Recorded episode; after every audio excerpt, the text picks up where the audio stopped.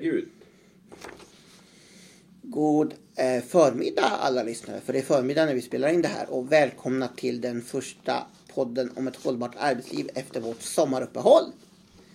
Så nu kan alla poddsugna få sitt lystmäte igen.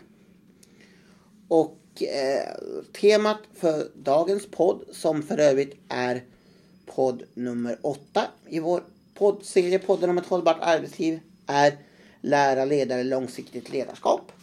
För du har du glömt att presentera Och som vanligt så är det- det. är det Age Management i Sverige AB som står bakom podden. Där jag, Johan E Skoglund, frilansjournalist, som intervjuar våra två experter på ämnet hållbart arbetsliv, nämligen Barbro Skoglund. och Kai Dito Skoglund alltså. Dito Skoglund, ja bra.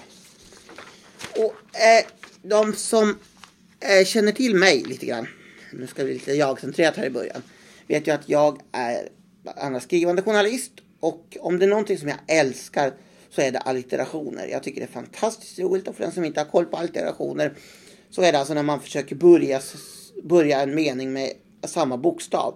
Till exempel Volvos värde varar eller gör det goda godare.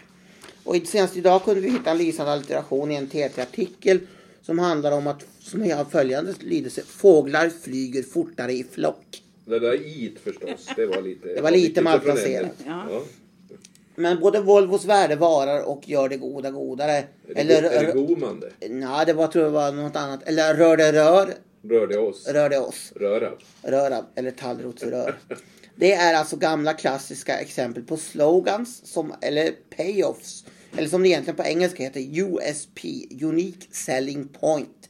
Icke att blanda ihop med UPS som är ett budföretag. Just Det är det. precis som att jag alltid brukar säga att jag, har- eh, nu är det dags att betala in studielånet till CNN. Men det är det inte, det är CSN som ska ha det.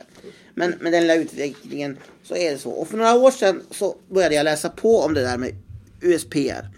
Och jag Några år sedan. Ja. Nu är det väl säkert tio. tio är det, för vi skulle ha en, vi skulle, vi skulle göra om vår hemsida och vi skulle fixa en massa annat. Och då, var ju, och då började vi diskutera om inte AMSA borde ha en unik selling point. Och det tyckte jag. Och då började vi fundera, slå våra kloka huvuden ihop. Och jag lanserade, och tillsammans efter min grundidé så lanserade vi då Lära ledare långsiktigt ledarskap. Och det är kanske en del som har haft kontakt med oss har sett att det står i mail eller i böcker. Eller på Eller att hitta en golfboll som jag har slagit bort. Där Jo, står det, det också. det står det också. Ja. Så om ni är ute och letar golfbollar så kan ni hitta dem bland alligatorer och ormar.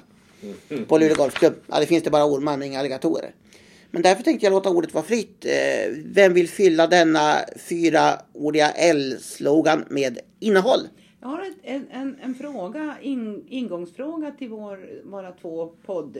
Dels programledaren och dels min kollega. Har vi förklarat ordet AMSAB som du använder? Jag tror inte riktigt. Jag börjar där. Och har jag sagt det så, så är det så. Det är 2003 pratar vi och vi var inbjudna att tala på en vetenskaplig konferens i Seoul, Sydkorea. Uh, om hur vi jobbade med det faktiskt age management, det åldersmedvetna ledarskapet. Och då skulle man ha såna här taggar som hängde runt halsen, alltså identifikationsbrickor. Och det fick inte plats. Det fick inte pl- Age management i Sverige eller Age management in Sweden Limited fick inte plats. Så vi snabbt och effektivt så kortade vi det hela till AMSAB, alltså AMS, Age Management i Sverige, ap- apropå initialbokstäver, det blev ingen allitteration, AB. Och helt plötsligt så har det blivit det, vi har det varumärket, så det heter AMSAB R. Ibland Eh. kallar vi oss för amsabbare. Ja, ibland kallas för AMSABare. Och faktiskt är det så att väldigt många av våra kunder, våra beställare säger ja, eh, AMSAB får göra det, AMSAB-rapporten. Alltså. Så att eh, det fullständiga namnet Age Management i Sverige AB, det har blivit väldigt mycket AMSAB. Och därför så blev det den här, eh, vad ska jag säga, ja, säljramsan. Ja, Johan. Och om ni någon gång har försökt eller kommer vilja skicka mail till oss så är vår mailadress amsab.org. Ja. För amsab.se var upptaget av ett annat företag så därför har vi amsab.org. Det är inte så att vi är en organisation som vi vanligtvis har orgadresser utan vi är ett företag men vi heter amsab.org som slutänelse på våra mailadresser. Ja. Det var en lång ingång. Det var en lång ingång i alla fall. Men det var, det, det, pratar man ord, allitteration och, och, och så, så var det faktiskt så. Ja, alltså lära ledare långsiktigt ledarskap. Någon gång tidigare i, i podden eh, kring det åldersmedvetna ledarskapet så, så berättade vi hur vi klurade på att översätta age management till någonting. Och det visade sig att vi översatte det till något som inte fanns. Vi hittade på ett svenskt ord. Åldersmedvetenhet. Och det har nu spridit sig väldigt mycket. Och det är till och med så, så att när man föreläser på engelska, vilket eh, vi gör ibland, så säger vi age awareness leadership för att då man ska, ah, säger människor, eh, finns det sånt, något ord som, ja men så man får hitta på. Man får utveckla språket. Och då att, varför tänker vi då lära ledare långsiktigt ledarskap? Ja, vad är det här egentligen? Eh, med eh, Eh, vad, vad, är, vad ska ett ledarskap vara? Ja, det bygger för vår del nyttoperspektiv och kunskap, kompetens. Det har vi sagt många gånger under den här podden. Och då ska det hålla. Det ska inte vara en fling. Vi var, under den tiden vi var chefer under de här 25 åren så var det många fling eh, managementmetoder som passerade revy. Det gör det nog fortfarande. Jag gör det Jag ska fortfarande. återkomma lite till det. Ja, och därför är det så här att det här att, att långsiktigt ledarskap, det är liksom det- här kommer vi på, lång- man pratar inte, men man kanske pratar hållbarhet i, i miljösammanhang, men det vi nu, och det Kai kommer in på det mer, eh, tänker, det, det var faktiskt det vi hade i åtanke. Det här ska inte vara någon fling, det ska gälla oavsett. Och det tordes vi göra beroende på att kunskapen kring det ledarskap som vi jobbar med, det är evidensbaserat så det bara stänker om det. Där slutar jag. Då vill För jag nu- komma med en liten fråga. Jaha. Vi har ju i media kunnat läsa dock att det nu så allt ska gå fortare och fortare, särskilt inom ledarskapet. Vi har ju till exempel den så kallade enminutschefen och att man bara ska ägna sina medarbetare, medarbetare en minut högst varje gång de kommer med något problem. Och då är frågan, är det här långsiktiga ledarskapet, är det någon slags, vad ska man säga, kärring mot strömmen mot, är det en slags eh, motreaktion då mot det här enminutschefen eller Nej, utan alltså- att dissa den, det är inte mitt, men jag, men jag måste ändå ställa frågan eftersom jag Ja, det är inte så att den är långsammare, men ja, ja men den är, det är hållbart. Det betyder alltså att det, det, den kunskap som chefer får när de jobbar med oss eh, och den kompetens hos den chefen som vi utvecklar då. För att det är det det, det, det är frågan. Det håller. det håller Det långsiktigt håller. hållbart. Och vi, vi lärde oss den här delen för 2000, det är alltså 16 år sedan i höst. Eh, Eh, det var då det började. Det är 16 år sedan. Och kunskapen som vi då förvärvade och som vi fortsatte att föröra, KOP som är evidensbaserad, som sagt var så det bara stänker om det. Den håller fortfarande. Vi uppdaterar oss, vi tittar på nya forskningsrapporter och ser är det någonting som är förändrat? Nej. Några små detaljer men ingenting som är signifikant. Men nu ser jag att Kai här sitter med en av våra böcker och viftar väldigt frenetiskt att komma in i, programmet. Så vi måste vi låta mannen få prata också. det inte, men sistnämnda var, Vad är det för bok du har och Ja, vilken av dem det är här det? det är nästan tio år sedan vi skrev den här boken tillsammans med Vattenfall. Som heter Åldersmedvetet ledarskap, att inte skjuta problemen framför Alltså vår andra bok och den som är Ja, vår andra bok. och eh, där har vi faktiskt eh, ett kapitel som heter Åldersmedvetet ledarskap för strategiska chefer. Och där betonar vi just det här med långsiktigheten. Jag ska citera ett par, bara kort från vår bok. Därför att vi, det vi såg redan då, det var ju en växande Får jag kunskap. säga, tio år sedan nästan. Det är 2007. Vi skrev den Ja. våren 2007. Ja, det är Ja. nio år, men jag Exakt. avrundade. Det är Ja, snart men det var 17. man. Ja, Typ nästan tio år sedan. apropå Okej. tydlighet. Ja, tydlighet. Ja.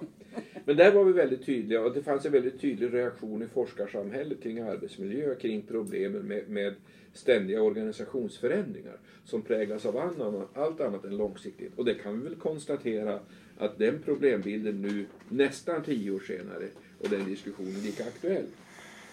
Men så här skrev vi bland annat. Åldersmedvetet ledarskap ska inte ses som ett projekt eller en tillfällig satsning. Istället ska det utgöra en integrerad del av företagets långsiktiga ledarskapsfilosofi. Och behovet av långsiktighet har nog blivit ännu starkare sedan dess. Men jag har ett par citat från den här boken, eller det är citat, det är sånt som vi har citerat. Det finns ett rätt roligt citat, det är säkerligen en skröna, men det påstås att en romersk ståthållare som heter Gaius Petronius, eh, som dog 66 efter Kristus, har sagt så här. Vi tränade hårt, men varje gång vi började få fram fungerande grupper skulle vi omorganiseras. Jag lärde mig senare i livet att vi är benägna att möta varje ny situation genom omorganisation. Och också vilken underbar metod detta är för att skapa illusionen av framsteg medan den åstadkommer kaos, ineffektivitet och demoralisering.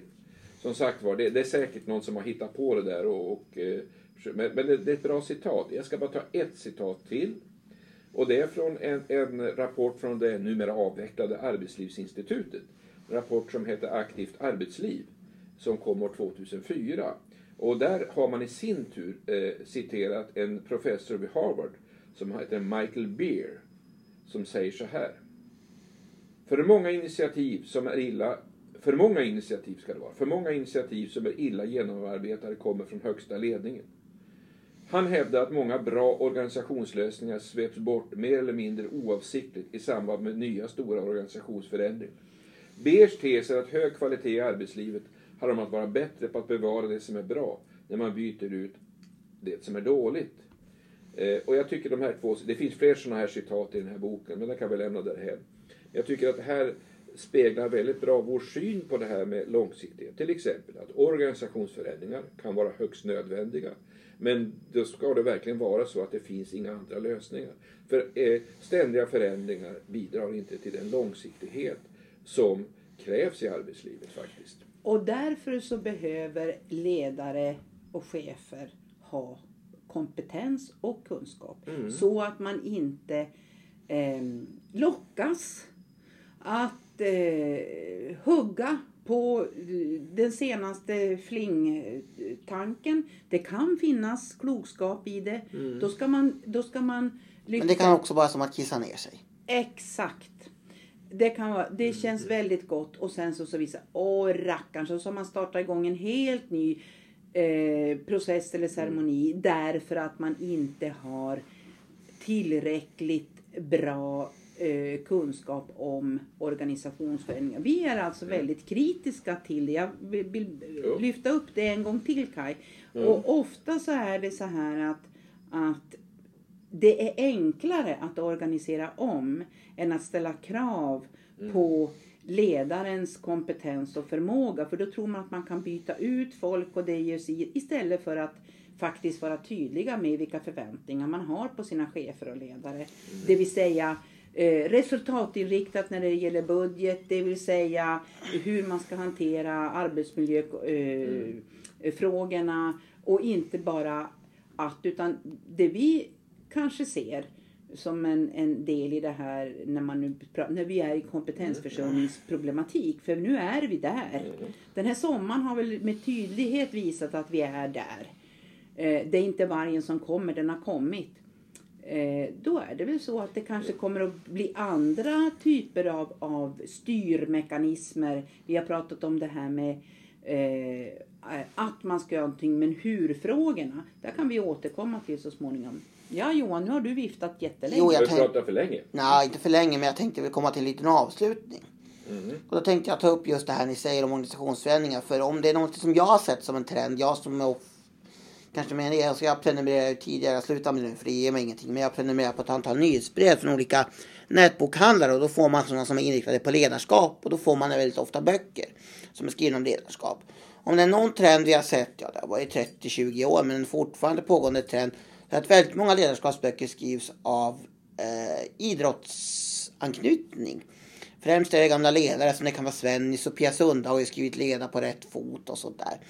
Och det är väl inget fel på de böckerna egentligen men om det är någonting som idrottsvärlden skiljer sig från, från den vanliga världen är ju att de kan ju bänka spelare utan anledning, utan närmare förklaring till en match. Men jag menar, det kan du inte göra på jobbet.